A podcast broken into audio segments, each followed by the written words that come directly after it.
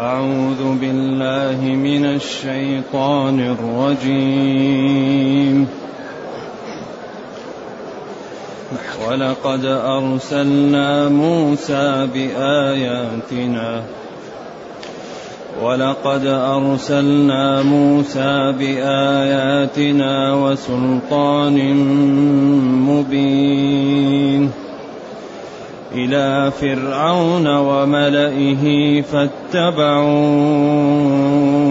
أمر فرعون. فاتبعوا أمر فرعون وما أمر فرعون برشيد.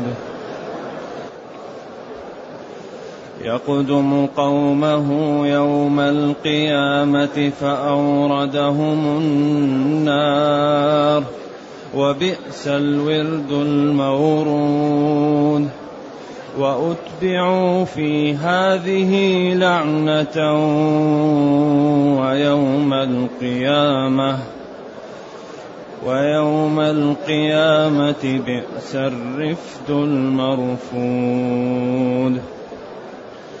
ذلك من أنباء القرى نقصه عليك منها قائم وحصيد وما ظلمناهم ولكن ظلموا أنفسهم فما أغنت عنهم آلهتهم فما أغنت عنهم آلهتهم التي يدعون من دون الله من دون الله من شيء لما جاء أمر ربك وما زادوهم غير تتبيب. وكذلك أخذ ربك إذا أخذ القرى وهي ظالمة. إن أخذه أليم شديد. إن في ذلك لآية لمن خاف عذاب الآخرة. إن في ذلك لآية لمن خاف عذاب الآخرة. ذلك يوم مجموع له الناس. ذلك يوم مجموع له الناس وذلك يوم مشهود وما نؤخره إلا لأجل معدود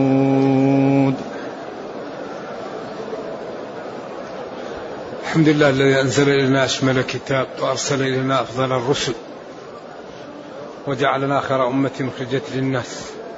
فله الحمد وله الشكر على هذه النعم العظيمة والآلاء الجسيمة. والصلاة والسلام على خير خلق الله وعلى آله وأصحابه ومن اهتدى بهداه. ما بعد فإن الله تعالى يقول ولقد أرسلنا موسى بآياتنا ولقد أرسلنا موسى بآياتنا وسلطان مبين إلى فرعون وملئه.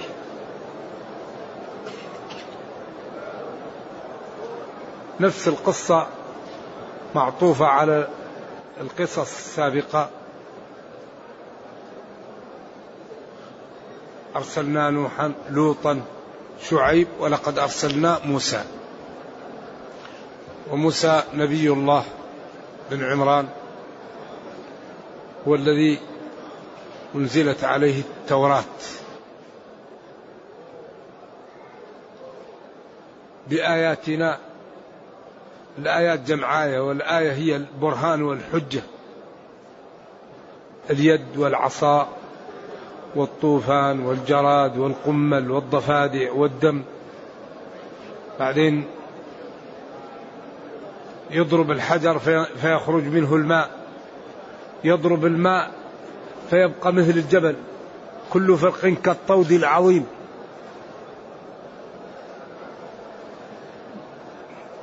آيات وبراهين عجيبة بينات واضحات لا لبس فيها. بعدين درب على هذه الآيات. أول لما ألقى العصا وصارت حية هو خاف. أقبل ولا تخف. سنعيدها سيرتها الأولى. درب درب على هذا. لأنه أول مرة خاف. حتى السلطان هو القوة والحجة والبرهان الواضح. أرسلناه إلى فرعون.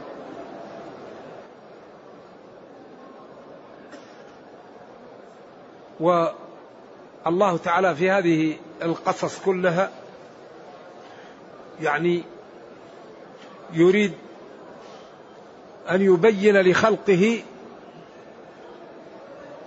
أن النجاة في طريق واحدة. كل هذه الرسل التي جاءت لهذه الأمم وأتتها بالأدلة والبراهين ولم تصدق أهلكت. طيب النتيجة إذا من هذا الأسلوب وهذا التكرير ما هو؟ النتيجة أنكم يا سامعون استفيدوا واتعظوا قبل أن تلحقوا بمن هلك. هذه النتيجة. النتيجة وثيقة للجمل في هذا السياق الذي يتكرر في القرآن وفي هذه السورة. نوح وهود وصالح ولوط وشعيب وموسى. كل واحد منهم يأتي كيف أتى بالأدلة والبراهين. وكيف قومه رموا ما أتاهم به عرض الحائط ولم يبالوا به وكيف حلت بهم النقمة. يا من تقرأ هذا يا من تسمع هذا وأنت لا زلت في الدنيا فاتعظ وتب واعمل لنفسك قبل أن تلحق بهذا الأولئك هذه النتيجة. النتيجة الاتعاظ النتيجة الإنسان يستفيد قبل إيش؟ قبل أن يلحق بهؤلاء. النتيجة أن الإنسان يتعظ يستفيد يتوب يسارع في فعل الخيرات يبتعد عن؟ عن الحرام. إذا والله لقد أرسلنا موسى بآياتنا بالأدلة أولها العصا وما تبعها والسلطان حجة واضحة إلى فرعون وملئه الملأ الجماعة الذين يملؤون العيون ويملؤون الأفواه ملأ. يعني إذا رأيتهم امتلأت عينك منهم امتلأ قلبك من إعظامهم. الوجهاء من التجار والأصحاب الشهادات الكبيرة أو أصحاب الوجهاء أصحاب المناصب هذا هم الملأ. ذلك أغلب ما يقف في وجه الرسل الذين لهم مكانة لأنهم يرون أن هذه الرسل سيضعفون مكانتهم فيقفون في وجههم. وأكثر ما يتبع الرسل الضعاف. ذلك لما قال له هرقل لأبي سفيان يتبعه آه، كبار الناس أو ضعاف قال ضعاف الناس أو قال أولئك الرسل. قال يزيدون أو ينقصون؟ قال لا يزيدون. فهو كان عالم. وقال لقومه ليتني ذهبت إليه وآمنت فحاصوا فاعرف أنه إما أن يضيع ملكه أو يضيع دينه فنرجو الله السلام والعافية فقدم الدنيا. وهو يعلم أنه كما أن فرعون قدم الدنيا لأنه كان يعرف أن موسى رسول. لقوله آمنت لما جاءت نقطة الصفر آمن لكن خلاص. وليست التوبة للذين يعملون السيئات حتى إذا حضر أحدهم الموت قال إني تبت الآن. لا. لابد التوبة أن تكون في محل في تدارك. أما هو يروح يعمل كل شيء وإذا أيقن بالهلاك يقول آمنت. قال له آه الآن. وقد عصيت قبل وكنت من المفسدين. لا. فذلك ينبغي للمسلم أن يبادر بالتوبة قبل أن يموت. أو يعاين الهلكة أو تطلع الشمس من مغربها. فإن هذه الأشياء إذا جاءت التوبة لا تقبل. نرجو الله السلام والعافية. إذا والله لقد أرسلنا موسى بآياتنا وسلطان مبين إلى فرعون وملئه جماعته. أيوه. فاتبعوا فاتبع الملأ من فرعون أمر فرعون. خلاص. فرعون هذا كان كان فرعون. لذلك كان طاغيا. ولذلك هو لما أمن خير من هذا الذي هو مهين ولا يكاد يبين. فلولا ألقي عليه أساورة من ذهب أو جاء معه الملائكة. الآيات. ففرعون أعوذ بالله كان طاغية. والله تعالى أراد أن ينجي بني إسرائيل منه. فإذا أراد الله أمرا لا مرد له. لذلك الكهنة أخبروا فرعون أنه سيولد ولد من بني إسرائيل يزول ملكه على يديه. فأرسل القوابل وأصبحوا يقتلون ذكور بني إسرائيل حتى كادوا يفنوا. قالوا قالوا سنة يقتلون وسنة لا يقتلون. وهارون في السنة الذي لا يقتل فيها وموسى في السنة الذي يقتل فيها ولد بعد. أمه خافت عليه ووضعته في تابوت ورمته في البحر في النهر النيل. طيب فإذا هو الصندوق يمشي يمشي حتى يصل إلى فرعون. قوة قوة هائلة. ولذلك الله غالب. فلما رأوه الله ألقى عليه المحبة. وألقيت عليك محبة مني. فصار كل ما رآه إنسان جبل على حبه. فلما رأى فرعون قالوا إنه أحبه. وأراد أن يقتله فقالت له زوجه هذا يكون لنا ولد. والمهم روايات عجيبة. المهم أنه تربى في بيت فرعون. هو يريد أن يقتل ذكورهم. قال تعالى فالتقطه آل فرعون ليكون لهم عدوا وحزنا. المعربون يقولوا لام العاقبة أو لام الصيرورة. المحققون كالحافظ بن كثير والوارث قالوا إنها لام كي وليست لام الصيرورة. وقالوا التحقيق أن الله شاء التقاطه لهم لكي يجعله لهم عدوا وحزنا وما تشاءون إلا أن يشاء الله. أي فأشاء الله وقدر التقاطهم له لكي يجعله لهم عدوا وحزنا وما تشاءون إلا أن يشاء الله. لذلك قال الحافظ بن كثير إن لم نقل إن اللام لام كي يبقى الكلام مشكلا. لأنهم قالوا التقطوه ليكون لهم قرة عين فعاقب ذلك أن يكون عدوا لهم. لا الله جعلهم يلتقطونه وشاء ذلك لكي يجعله لهم عدوا وحزنا هذا هو التحقيق وإن قال بخلافه جلة من علماء البلاغة وأجروا الاستعارة هنا في معنى الحرف وهذا التوسع في العبارة المعروف عندهم. نعم. وهذا أسلوب وهذا أسلوب وكل حقيقة لا مشاحة في الاصطلاح. هذا أسلوب يسمى يعني استعارة وهذا أسلوب يسمى تشبيه وهذا أسلوب يسمى كناية وكل حقائق كل حقائق على على القول الذي هو. لأن لأن قبل أن تؤلف البلاغة كان كان اللغة العربية يتكلمون بهذا الكلام.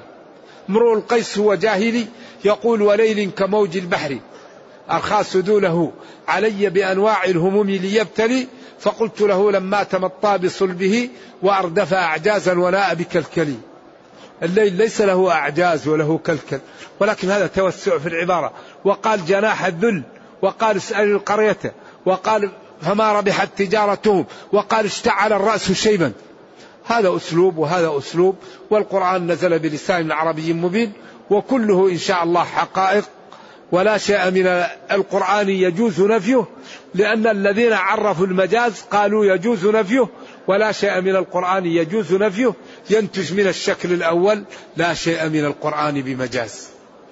وكل ما يجوز في اللغة العربية لا يجوز في القرآن. لأن بعض أساليب البديع المعنوي لا تجوز أن تكون في القرآن كالرجوع وكالإيغال. هذا لا يجوز أن نقول إنه في القرآن وهو أسلوب جميل عندهم لكن ينزه القرآن أن يكون في هذا. مثل الإيغال أن يقول كلام مستحيل كقوله كفى بجسمي نحولا أنني رجل لولا مخاطبتي إياك لم ترني. هذا لا لا يجوز أن يكون في القرآن الإيغال. وأخفت النطف التي لم تخلقي النطف التي لم تخلق لا تخاف. لذلك القرآن كلام الله وقوله الحق وكذلك الرجوع. وهو بديع معنوي. كقوله قف بالديار التي لم يعفها القدم. ثم رجع له عقله ونقض كلامه وقال بلى وغيرها الرواح والديم. هذا لا يجوز أن يكون إيش؟ في القرآن. إذا ما كل ما يجوز في اللغة العربية يجوز في القرآن. في القرآن كلام الله منزه صفة من صفاته ولا ما, ما كل ما قالت العرب يجوز أن يكون في القرآن. لأنهم يقولون الكذب ويقولون الإغال والقرآن كله حق. إذا ما كل ما يجوز في, في, في, في اللغة يجوز في القرآن. وهذه الأمور الحقيقة ينبغي أن تعرف وأن توضع في محلها يعني. يقول آيات بينات. فاتبعوا أي الملأ اتبعوا أمر فرعون. اتبعوا يعني ما خطط لهم وما أمرهم به. وما أمر فرعون برشيد. فرعون سفيه. أمره ليس برشيد. ولذلك هذا الأمر الذي اتبعوه فيه حقيقته أنه يكون فرطا لهم يوم القيامة في في الورد الفرط هو الذي يمشي أمام الرواية الرواية التي تأتي بالماء الورد الورد الذي يرد المتقدم يقال له الفرط يهيئ لهم البير ليسقوا منها. يقدم قومه يوم القيامة. أي يتقدمهم إلى النار ويقول لهم تعالوا ادخلوا عياذا بالله. إذا أمر فرعون ليس برشيد لأنه يتقدمهم يقدم قومه قدم يقدم. ولذلك قال تعالى يا أيها الذين آمنوا لا تقدموا. وفي قراءة يعقوب لا تقدموا. أي لا يحصل منكم التقدم بين يدي الله ورسوله. يعني نفذوا شرع الله وقفوا عند حدود الله. فما قاله قولوا وما نفاه نفاه وما سكت عنه اسكتوا. إذا يقدمهم أي يتقدمهم. يوم القيامة فأوردهم النار. الورد هو الذي يمشي عطاش. فذهب أمامهم وهو فرطهم على النار وقال لهم ادخلوا. وبئس الورد المورود. وبئس الورد. وبئس المورود الذي أوردهم إياه. الورد مصدر لكن المقصود هنا المكان. أي المورود المحل الذي يردونه المورود أي الذي يذهبون إليه ويدخلونه. وأتبعوا في هذه لعنة. أتبعوا في هذه الدنيا لعنة بعد لعنة. سواء لعن الملائكة لهم أو لعن المسلمين أو ما يقع لهم من العذاب بالغرق وما يقع لهم بالعذاب في القبر وما يقع لهم في العذاب بعد البعث. إذا هم لعنة بعد لعنة بعد لعنة إلى ما لا نهاية. ويوم القيامة بئس الرفد. الرفد العطاء. المرفوض المعطى. بئس العطاء المعطى وهو العقوبة والجزاء للأعمال السيئة التي ينالون لا يعني أجرتها يوم القيامة. بئس العطاء المعطى يوم القيامة وهو جزاء ما عملوا من الكفر والطغيان والتكذيب. والفجور وتقتيل الناس واضطهاد الضعاف هذا هو العطاء المعطى لهم يوم القيامة. بئس الرفد المرفوض. ذلك الذي قصصت عليك يا نبي محمد صلى الله عليه وسلم من أخبار الأمم التي لها شأن نقصه عليك ليعلم قومك أنك على حق وتعلم أنت أن ما حصل لك من التكذيب حصل للأنبياء قبلك فاثبت وأمشي على ما أنت عليه واعلم أن هذه طريق الحق طريق صعبة لا بد من سلكها أن ينال منه وأن يقع به فاصبر واثبت وامشي على عملك واعلم أن هذه هي الطريق. لذلك ورقه بن نوفل قال ليتني فيها جذع اذا أخرجك قومك. قال أو مخرجيهم؟ قال نعم ما جاء أحد بالحق إلا عوديه. عمر قالوا ما ترك الحق لعمر صديق. عمر بايعها. أي واحد يقول له لا يا أخي هذا ضلال هذا ما يصح. فقالوا إن عمر ما ترك له الحق صديق أبدا لذلك لا بد للمسلم أن يدفع ضريبة الدين لا بد نحن أن ندفع ضريبة الدين الجنة لها ثمن. العز له ثمن. التقى له ثمن. العلم له ثمن. ونعم لها ثمن. كل شيء طيب له ثمن. لذلك الذي يريد معالي الأمور لا بد أن يتعب. إن السيادة فاعلمن مشقة لولا صعوبتها لساد الأرذل. ما كل من طلب السيادة نالها ما نالها إلا الكريم المفضل. إن السيادة في اثنتين فلا تكن يا ابن المشايخ فيهما بالزاهدين حمل المشقة واحتمال أذى الورى. ليس المشمر للعلا كالقاعد. قل للذي طلب العلا بسواهما هيهات تضرب في حديد بارد. إذا الجنة لازم لها من ثمن. ثمن. ألف لام ميم حسب الناس وإيش أن يتركوا أن يقولوا آمنا وهم لا يفتنون. ولقد فتنا الذين من قبلهم. فلا يعلمن الله الذين صدقوا ولا يعلمن الكاذبين. ليس بأمانيكم ولا أماني أهل الكتاب من يعمل سوءا يجزى به وما خلقنا السماوات والأرض وما بينهما باطلا. ذلك ظن الذين كفروا. فنحن الآن لا زلنا في الدنيا فالذي يريد الجنة ومعالي الأمور يرتفع. لا ينظر إلى الحرام البصر المشاكل من البصر. قل للمؤمنين يغضوا من أبصارهم. البصر كل المشاكل تأتي منه. اللسان لا ينطق إلا بالحق. وهل يكب الناس في النار على مناخرهم أو على وجوههم؟ السمع. لا تسمع إلا القرآن والمواعظ والخطب. لا تفكر إلا كيف تنقذ نفسك كيف تنقذ إخوانك جيرانك كيف تترك لك بصمات لدينك ولأمتك قبل أن تموت.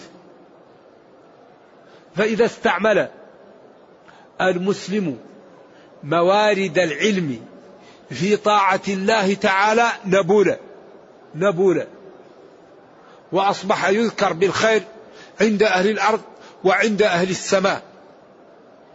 وإذا عاداه شخص دمره الله من عادى لي وليا فقد آذنته بالحق. لكن هذا لا يمكن يكون إلا بالمكابدة. والذين جاهدوا والذين جاهدوا فينا. يجاهد البصر يجاهد السمع يجاهد القلب. اليد الرجل البطن. فإذا جاهد الطاعات حتى تشبع من الطاعات أصبحت الإفادة منه محققة وأصبح كل ما دعا الله أعطاه وكل ما عاداه شخص أذابه الله. لأن عباد الله ما يستطيع لهم الشياطين ولا غيرهم. إن عبادي ليس لك عليهم سلطان.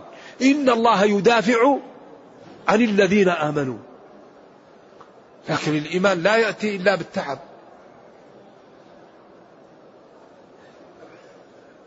إذا وبئس الورد المورود وأتبعوا في هذه الدنيا لعنة ويوم القيامة بئس الرفد المرفود.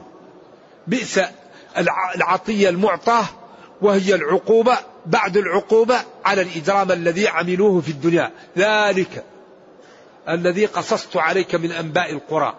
ذلك نقصه. عليك يا نبي. من أخبار القرى التي لها شأن منها قائم لا زال قائم. كالحجر الآن قوم صالح ينحتون من الجبال بيوتا فارهين. آثارهم لا زالت. وإنكم لتمرون عليهم مصبحين وبالليل أفلا تعقلون؟ ومنها حصيد اندرس. ذلك الذي نقص ليعلم من يشهدك أنك رسول وأن هذه الأمور لا يعلمها إلا نبي ولتطمئن نفسك وتعلم أن ما حصل لك من قومك حصل لمن قبلك من الرسل. فاطمئن وقد نصرناهم فسننصرك وقد أهلكنا أعداءهم وسنهلك أعداءك إن لم يتوبوا. ولذلك لما أذوه جاءه جبريل وقال له ربك يقول لك إن أردت أن يطبق عليهم الأخشبان. الأخشبين. الجبال في مكة. قال لا رب اغفر لقومي فإنهم لا يعلمون. ولذلك كان صلوات الله وسلامه رحيم. كان مجمع الفضيلة. الله يقول وإنك لعلى خلق عظيم. أكرم الناس أعلم الناس أزهد الناس. أتقى الناس أورع الناس أشجع الناس أكثر الناس تدبير أجمل الناس أكثر الناس حلما. لذلك كانوا إذا خافوا أشجع الناس من يتقي برسول الله. لا يمنع أحدا شيئا. كل ما جاءه شخص يريد شيء يعطيه إياه. حتى قيل إنه جاءه رجل وقال أعطيني ثوبك فأعطاه ثوبه. فأذن المؤذن فبقى في البيت محصورا. فقال ولا ولا تبسطها كل البسط فتقعد ملوما من إحدى أمهات المؤمنين كيف تعطي ثوبك؟ ولا شيء عليك محصورا عن الصلاة. طبعا الأثر لا يصح. يعني ولكن ورد. أيوة يعني سند لا يصح هذا الأثر. لا فصلوات الله وسلامه عليه وأعطى يوم حنين من وادي من الغنم لرجل. حتى غار العباس بن مرداس وقال تجعل نهبي ونهب العبيدي بين عيينة والأقرع فأعطاه مئة من الإبل. وقالوا والله إن محمدا لا يعطي عطاء من لا يخشى الفقر. صلوات الله وسلامه عليه. ولما قالت الأنصار ما قالت قال لهم تعالوا أما ترضون أن يذهب الناس بالشاء والبعير وتذهبون برسول الله إلى رحالكم؟ لأنهم وقع في نفوسهم. فقالوا رضينا رضينا. صلوات الله وسلامه عليه. وما انتقم لنفسه. أبدا. الرجل الذي جذبه ضحك وأعطاه الرجل الذي قال له قسمة ما أريد بها وجه الله. قال ويحك ومن يعدل إلا معدل والثاني الذي قال له أن كان ابن عمتك لا يغضب لنفسه. والله يقول لقد كان لكم في رسول الله أسوة حسنة. إذا ذلك يا نبي نقص عليك من أنباء القرى. ذلك من أنباء القرى نقصه عليك. أي ننزله عليك في الكتب ونوحي إليك. منها قائم لا زالت آثاره موجود ومنها حصيد انتهى واضمحل. وما نؤخره أي العذاب لهؤلاء. وما ظلمناهم ولكن ظلموا أنفسهم. وما ظلمنا هؤلاء الذين أهلكناهم بما حصلنا بهم ولكن ظلموا أنفسهم بالتكذيب وبالكفر وبالعناد. ولذلك إن الله لا يظلم الناس شيئا ولكن الناس أنفسهم يظلمون. ولذلك قال لنا لا يضركم من ضل إذا اهتديتم. ما الاهتداء؟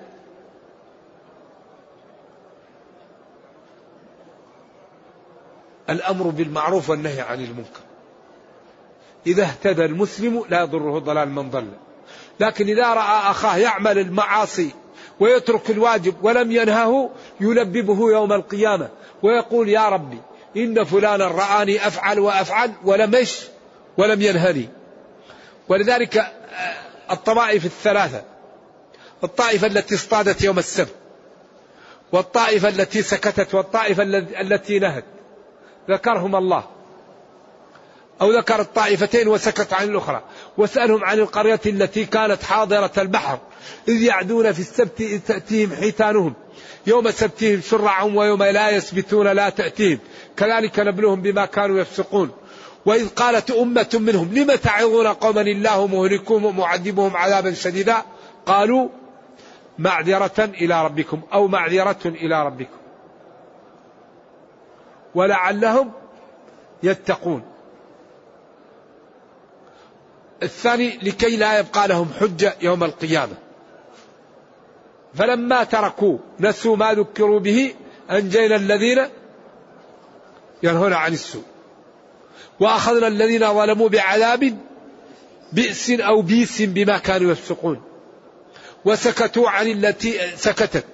فبعضهم قال هلكت وبعضهم قال نجت وبعضهم قال سكت عنها الوحي فنسكت.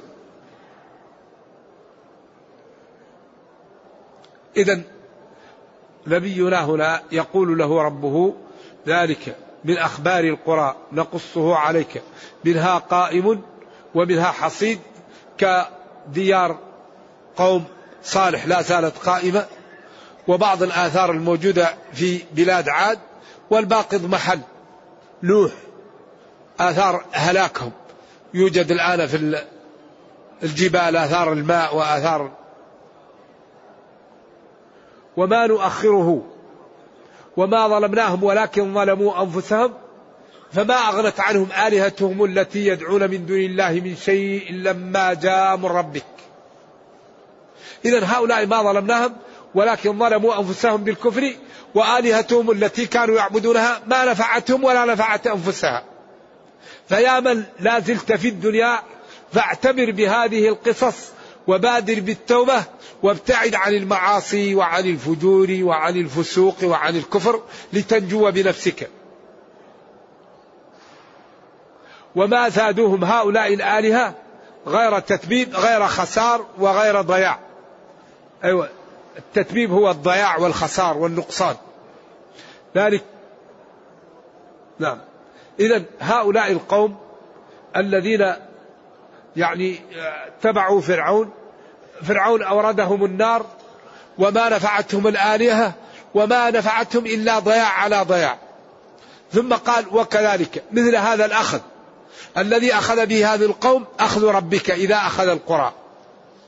والحال أن أصحابها ظالمون وهي ظالمة لأن هذا المقصود مقصود أن أسأل القرية أهل القرية وأهلها ظالمون. وكذلك أخذ ربك إذا أخذ القرى وهي ظالمة أي أهلها. إن أخذه أليم فيه الألم وشديد قوي. ولذلك إن الله لا يملي للظالم حتى إذا أخذه لم يفلت. كما قال أو يأخذهم على تخوف. التخوف تنقص يستدرجهم شوية شوية وبعدين يجروا. كما قال عمر ما هو التخوف؟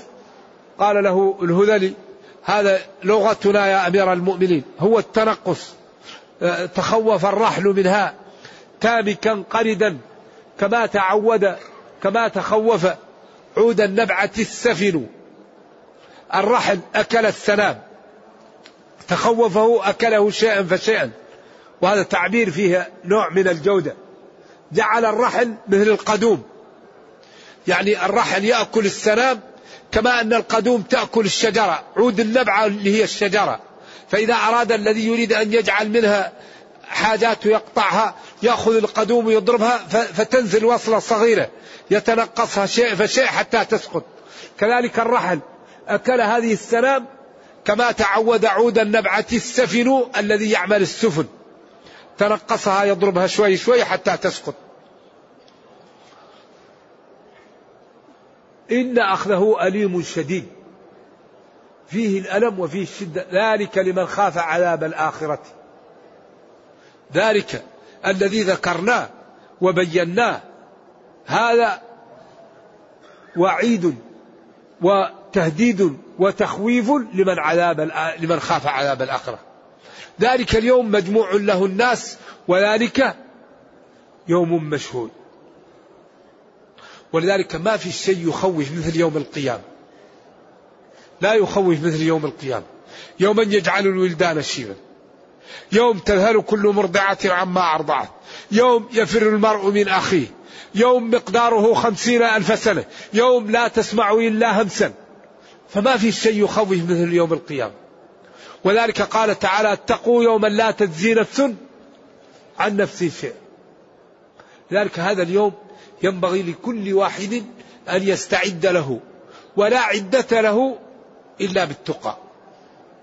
إنسان يفعل ما أمر به وينتهي عما أمر عما نهي عنه وتكون أعماله مبنية على العلم. لأن أكثر ما يضر الأمة المسلمة الآن الجهل بفروض العين. قال العلماء الذي يعيش بين المسلمين لا يسامح في جهل فروض العين.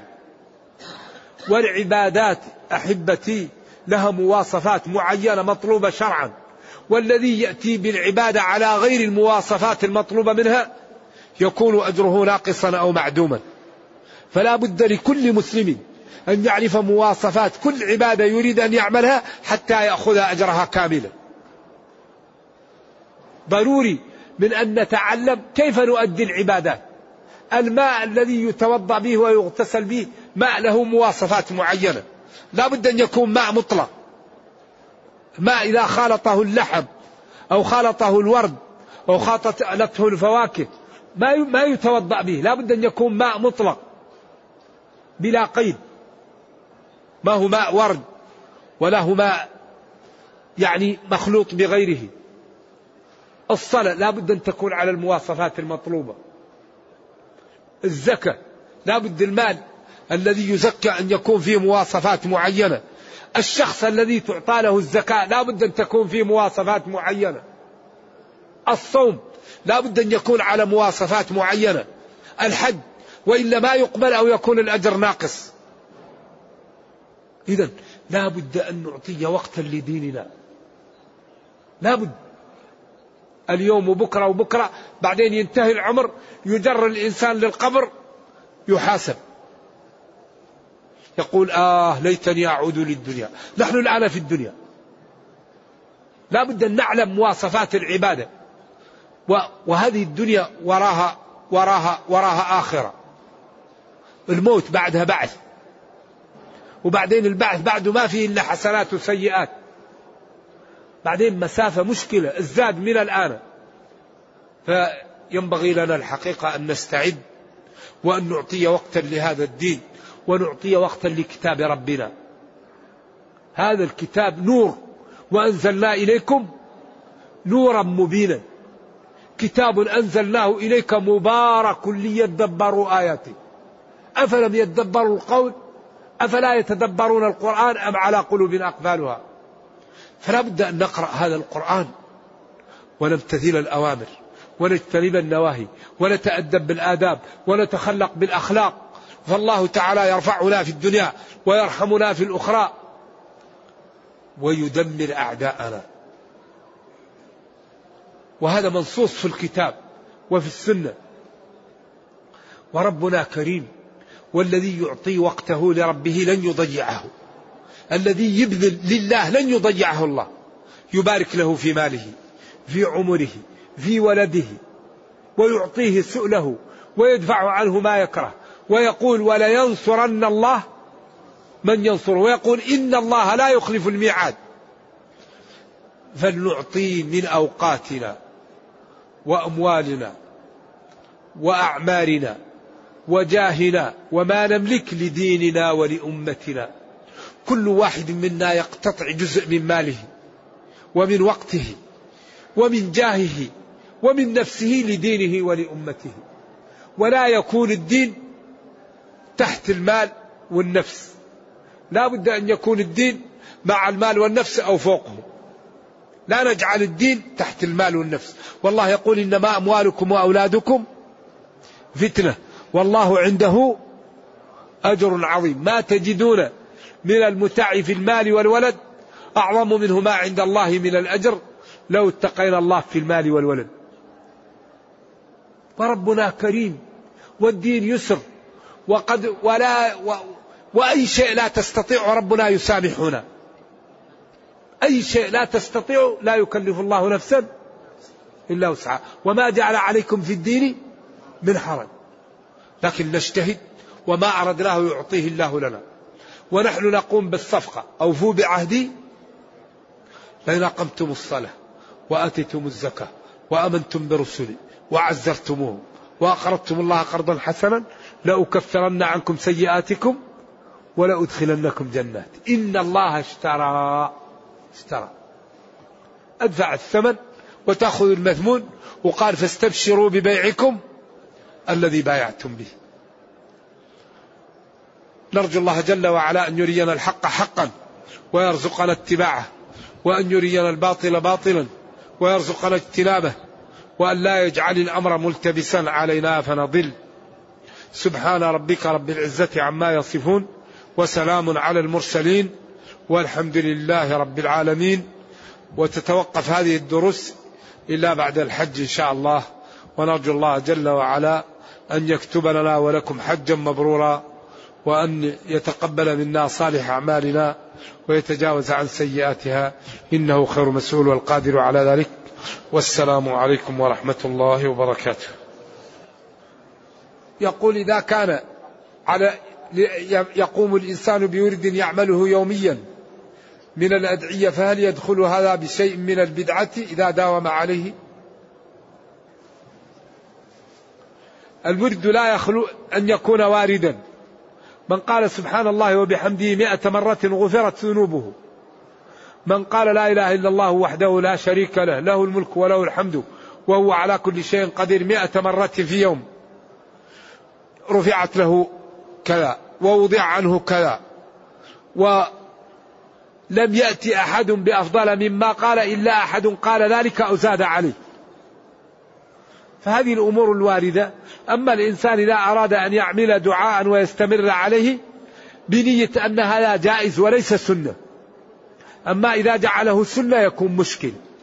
يعمله بنية أن أحب العبادة إلى الله أدومها وأن هذه الأدعية جائزة وأنا أداوم عليها لأن الله يحب إذا فعل العبد عبادة يداوم عليها. تكون نيته أنه ليست سنة وإنما هي جائزة ولا أولى أن يحدد ما حدد ويطلق ما أطلق. لأن الاتباع أولى وأفضل لكن هذا يكون أسهل. يقول من أراد التعجل متى يبدأ أول التعجل وماذا يجب عليه في الخروج؟ من أراد التعجل فليخرج من منى قبل غروب الشمس. يرمي الجمرات قبل غروب الشمس ويخرج من منى وجمرة العقبة هي خارج منى فإذا رمى جمرة العقبة وخرج خلاص. فإذا جاءه الليل الأولى أن يبيت ويرمي من الغد. على المفرد كم طواف ومتى يكون أوقاتها؟ المفرد عليها ثلا عليه ثلاثة طوافات. إذا كان الطواف مذكر. ثلاثة طوافات. الطواف مذكر أو مؤنث؟ إذا كان مذكر ثلاثة طوافات وإذا كان مؤنث ثلاث طوافات. أيوه. بعدين التذكير والتأنيث هنا ما هو مشكل. طواف القدوم وطواف الإفاضة وطواف الوداع. طواف القدوم عند الجمهور سنة وطواف الوداع عند الجمهور واجب وطواف الإفاضة ركن من أركان الحج لا بد منه. فمالك يقول طواف القدوم واجب وطواف الوداع سنة. ويستدل على ذلك بأدلة ولكن الجمهور يقولون خلاف ذلك. وهل من الممكن أن يتداخل طواف الوداع والإفاضة لا يتداخل. طواف الوداع إذا أخرت طواف الإفاضة وعملته خلاص طواف الوداع ما هو لازم بنية فليكن آخر عهده بالبيت. أنت إذا أخرت طواف الإفاضة حتى تنهي أعمال الحج وطفت خلاص يكفي هذا ما يحتاج نية لأن صار آخر عهدك بالبيت. لكن هذا خلاف السنة.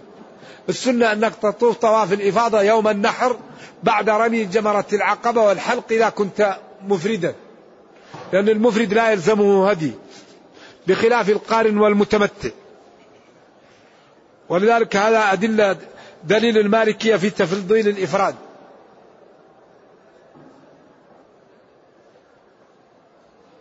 رجل ممسك عن إمساك عن شعره.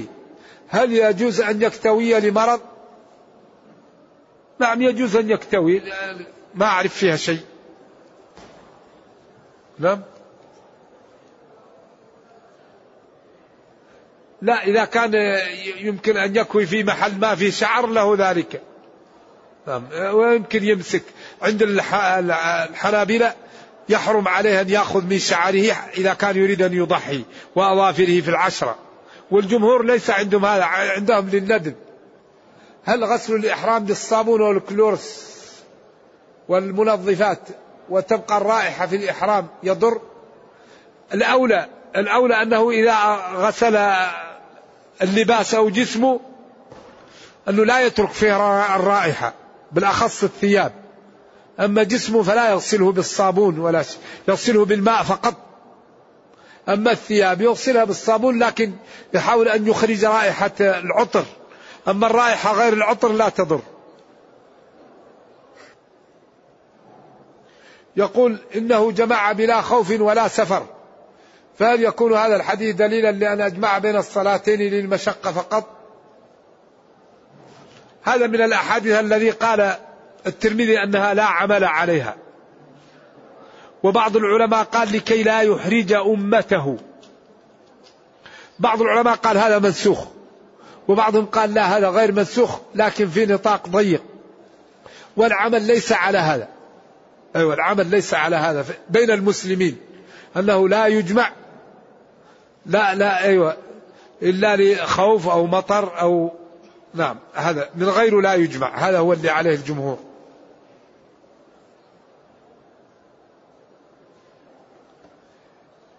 إذا كنت مسافرا أكثر من أيام هل أقصر أو أول ثلاثة أيام أو أكمل باقي الأيام؟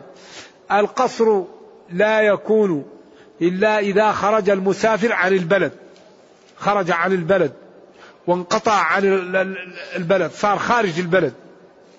له أن يقصر وله أن يفطر. طبعا عند من يرى الفطر ولو أصبح صائما. أما بعض العلماء كالمالك يقول من أصبح صائم يلزمه إتمام ذلك اليوم. فله أن يقصر وله أن يجمع وله أن يفطر لكن بشرط أن يخرج من البيت. أما إذا كانت المسافة أقل من ثمانين كيلو أو كان السفر أكثر الجلوس في المحل بعد أن يصلوا أكثر من أربعة أيام فالأولى أن يتم. إذا كانت المسافة ليست قصر أو كان السفر يجلس في المكان أكثر من أربعة أيام أيوة الجمهور يقول يتم وبعضهم يقول 19 يوم وبعضهم يقول 20 يوم وبعضهم يقول ما دام مسافرا وهذا قول مرجوح مروي عن بعض الصحابة وعن بعض التابعين وأنه لو جلس سنة وهو مسافر لا أربعة أيام وهذا الذي عليه أسعد بالدليل ولذلك النبي صلى الله عليه وسلم ما جلس في مكة أكثر من أربعة أيام. قالوا لو كان إذا جلس يكون مسافرا لزاد على ذلك. نعم. يقول صليت خلف جماعة وأثناء, وأثناء الصلاة علمت أنهم على بدع. هل أكمل معهم أو أعيد الصلاة؟ البدع تختلف. والإنسان إذا رأى المسلمين يصلون يصلي معهم وإن كان عنده ورع يعيد الصلاة سرا. أيوة، الإنسان إذا رأى ناس يصلون يصلي مع المسلمين. إذا سمع حي على الصلاة يصلي مع المسلمين. فإن شك في عقائدهم أو في دينهم يعيدها سرا. تكون إحداهما نافلة والأخرى يتقبلها الله. ولا يوجد شيء أضر من الفرقة بين المسلمين. ولا تنازعوا. النبي صلى الله عليه وسلم ترك المنافقين يقال لهم الصحابة. لأن لا يوجد ضرر على المسلمين أشد من الفرقة. والإنسان رأيته يصلي ما تصلي معه. هل فيه, هل فيه نفرة أكبر من كذا؟ فأنت إذا سمعت حي على الصلاة صلي مع المسلمين. وإن كان لك خشوع أو لك خشية عدها سرا بينك وبين الله. ولا يدري أحد عن هذا. وأهم شيء أن المسلمين يكون بينهم تآلف ويكون بينهم تحاور. فإن تنازعتم في شيء فردوه إلى الله والرسول. تركت فيكم ما إن تمسكتم به لن تضلوا بعدي كتاب الله وسنتي. اليوم أكملت لكم دينكم لتبين للناس ما نزل إليهم بلسان عربي مبين. إذا أي قضية بيننا نعرضها على الكتاب والسنة. فإن كان كل واحد عنده دليل ما فيه مشكلة. وإن كانت القضية اجتهاد ما فيه مشكلة. وإن كان عندي دليل وما عندك دليل تكون معي. وإن كان عندك دليل وما عندي دليل نكون معك. وأي خلاف لا يخلو من واحد من أربعة أمور. قسمة عقلية واقعة. لك دليل لي دليل ثلاثة قروء أنت قلت الأطهار أنا قلت الحيض كله صحيح. يدل عليه الكتاب والسنة واللغة العربية. قلت الذي بيده عقدة النكاح الولي أو الزوج كله صحيح. وتدل عليه اللغة العربية. مسألة ما فيها نص. ولم يرد فيها نص. أمرها سهل. كل واحد يجتهد. وكل ما وصل له اجتهاده مسألة فيها نص. ما عندك نص تكون معي عندك نص ما عندي نص نكون معك. إذا ينبغي للمسلمين أن يعرضوا ما عندهم على الكتاب والسنة. لكن المشكلة كل المشكلة من يسب أبا بكر؟ أبا بكر كيف يسب؟ عمر كيف يسب؟ عائشة كيف تسب؟ كيف يقال أن القرآن ناقص؟ والله قال إنا نحن نزلنا ذكر وإنا له لحافظون. كيف تدعى القبور؟ والله يقول أمن يجيب المضطر إذا دعاه. إذا سألت فاسأل الله. وقال ربكم ادعوني. هذه مشاكل هذه. هذه أمور مشكلة. كيف كيف أبو بكر؟ مروا أبا بكر فليصلي بالناس. هل أنتم تاركوا لي صاحبي؟ عمر قال له إيه يا ابن الخطاب؟ ما سلكت فجا. إلا سلك الشيطان فجا آخر. أفضل البشر. يسب. كيف هذا يكون؟ كيف يقال أن القرآن ناقص؟ والله يقول إنا نحن نزلنا ذكر وإنا له. كيف تدعى القبور؟ والله يقول أمن يجيب المضطر إذا دعاه وقال قليلا ما تذكرون. إذا في شرائح من المسلمين عندها أخطاء كبيرة يحتاج أن تراجع أنفسها. ويحتاج أن نرجع إلى النصوص ونرجع إلى الكتاب والسنة لنتبين. والحق أبلد ومن يريد الحق يجده لأن الله تعالى أنزل قرآنا معجزة خالدة وأمر نبيه أن يبين. ولذلك كل ما نحتاج إليه مبين. لما نزلت اليوم أكملت لكم دينكم بكوا الصحابة. قال ما كمل شيء إلا نقص. هذا إذان بانتقال النبي صلى الله عليه وسلم إلى الرفيق الأعلى. كيف يقال إن إن إن النبي صلى الله عليه وسلم يذهب إلى إلى إلى إلى إلى إلى, إلى أقصى المغرب ويعطي لواحد صلاة ويقول له تعدل القرآن ستة ألاف ختمة. كيف هذا يكون؟ يقظة لا مناما عمر ذبح في المحراب وما جاءهم الرسول صلى الله عليه وسلم. وعثمان قتل يقرأ المصحف وما جاءهم. وعبد الله بن الزبير صلب في مكة بن عمته ولم يأتي. وبعدين يأتي في القرن الثالث عشر ويعطي صلاة الفاتح ويقول تعدل ستة ألاف ختمة. كيف يكون هذا؟ بعدين يقرأ لا منامة. كيف ماذا نقول في هذا؟ إذا المسلمون عندهم أمور لا بد أن ينتبه الإنسان. هذا الدين جاء من عند الله. وتركت فيكم ما إن تمسكتم به لن تضلوا بعدي كتاب الله وسنتي. كتاب الله وسنتي. اتبعوا ما أنزل إليكم. مالك قال كل كلام فيه مقبول ومردود إلا صاحب هذا القبر. صلى الله عليه وسلم. فينبغي أن ننضوي تحت النصوص. ونعلم أن الناس تخطئ وتصيب لكن لا بد أن يكون بين المسلمين تعاون. الله يقول وتعاونوا على البر والتقوى. وقال ولا تنازعوا فتفشلوا. نرجو الله تعالى أن يرينا الحق حقا ويرزقنا اتباعه.